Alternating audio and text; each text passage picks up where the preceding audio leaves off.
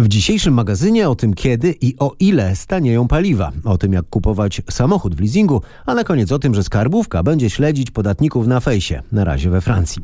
Cena litra benzyny powinna spaść wkrótce poniżej 5 zł. Po serii podwyżek nareszcie powinno być taniej. Na światowym rynku opadła bowiem fala obaw przed skutkami amerykańskich sankcji przeciwko Iranowi, a wraz z nią spadają i to gwałtownie ceny ropy, niwelując wielomiesięczne wzrosty. Baryłka ponownie kosztuje 60 dolarów, a to poziom z początku roku roku. Wówczas benzyna w Polsce kosztowała 4,70 zł groszy, diesel 4,60 zł. Aktualne średnie ceny to 5 zł i 10 groszy za 95 i 5,30 za diesla. A skoro mowa o paliwach, w magazynie wracamy do naszego leasingowego poradnika. Szefa Związku Polskiego Leasingu Andrzeja Sugajskiego pytałem o to, jak znaleźć najlepszą ofertę. Mm, powiem tak. E, jednym z pierwszych czynników, który decyduje o wyborze finansującego według oczywiście e, odpytywanych przedsiębiorców, jest to cena. Cena, czyli wartość takiej umowy, wysokość rat, prawda, i tak dalej. Czyli ta cena, ta, ta, ta kwestia finansowa, finansowania. I teraz można powiedzieć, że w leasingu jest to niewątpliwie bardzo ważny atrybut takiej oferty, ponieważ firmy leasingowe są nabywcami samochodów, a tym samym otrzymują dobre czy bardzo dobre warunki nabywania tych samochodów, bo kupują te samochody w dużej masie. Czyli mają lepszą przewagę negocjacyjną z importerem, z dealerem niż pojedynczy klient. W związku z tym mamy sytuacje takie, w których firmy leasingowe mają podpisaną na przykład umowę o współpracy z określonym importerem. Jedna firma taką umowę posiada, inna takiej umowy nie posiada. W związku z tym warto jakby chociażby z tego punktu widzenia zdobyć wiedzę, y, jaka firma oferuje w danym modelu, czyli o danej marce samochodu, oferuje najlepsze warunki, bo niewątpliwie będzie to mogło wynikać z faktu, jaka jest cena świadczona y, tejże firmie leasingowej jako nabywcy flotowemu y, tych pojazdów. W związku z tym niewątpliwie warto sprawdzać, ponieważ można rzeczywiście dostać bardzo warunki dobre finansowania, o czym najczęściej również takie przekazy medialne e, świadczą, kiedy słyszymy o tym e, leasingu 101%, 103%, co oznacza, że suma rat leasingowych właśnie tyle wynosi. Czy to są kompletne koszty? Jak porównać te ceny? Czy jest coś takiego jak RRSO w przypadku kredytów? Nie, nie, nie ma.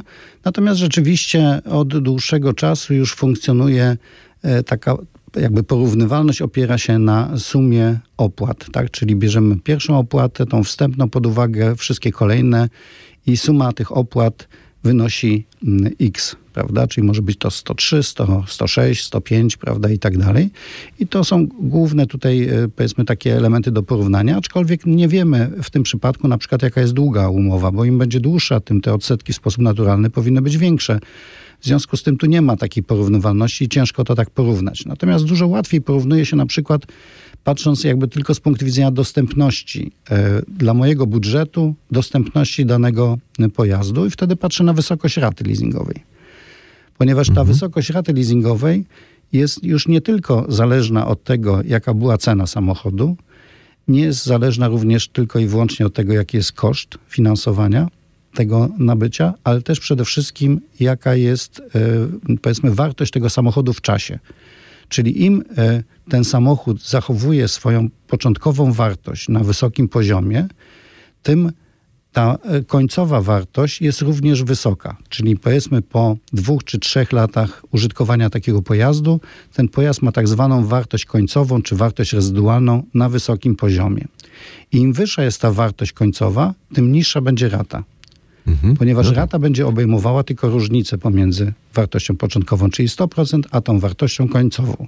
Czyli można by było powiedzieć, że ktoś, kto chciałby finansować, w jakimś sensie korzystać przez 3 lata czy 2 lata e, z pojazdu e, i przeznacza budżet x złotych na to co miesiąc, może się okazać, że wybierając taką formułę, w której ta wartość rezydualna jest wysoka, ta wartość końcowa, czyli leasing z wysoką wartością rezydualną, E, wybierając taką formułę, będzie miał dostępny samochód znacznie e, lepiej wyposażony, mhm. o e, wyższych, że tak powiem, tu oczekiwaniach co do modelu chociażby, bo często tym się użytkownicy y, posługują, że chcą mieć samochód o wyższym modelu niż mieli do tej pory i na przykład może się okazać, że już mogą, pomimo że Gdyby korzystali e, z nabycia tego, tego pojazdu, nie byłoby ich oczywiście stać na taki pojazd. Rozmawiałem z dyrektorem generalnym Związku Polskiego Leasingu Andrzejem Sugajskim. To budzi kontrowersje. Płacisz podatek od marnej pensji, a na fejsie pokazujesz się w drogim aucie albo na egzotycznej plaży. Skarbówka wyjaśni ten fenomen. Na razie we Francji, gdzie rząd ostrzega, że od nowego roku urzędnicy będą śledzić media społecznościowe,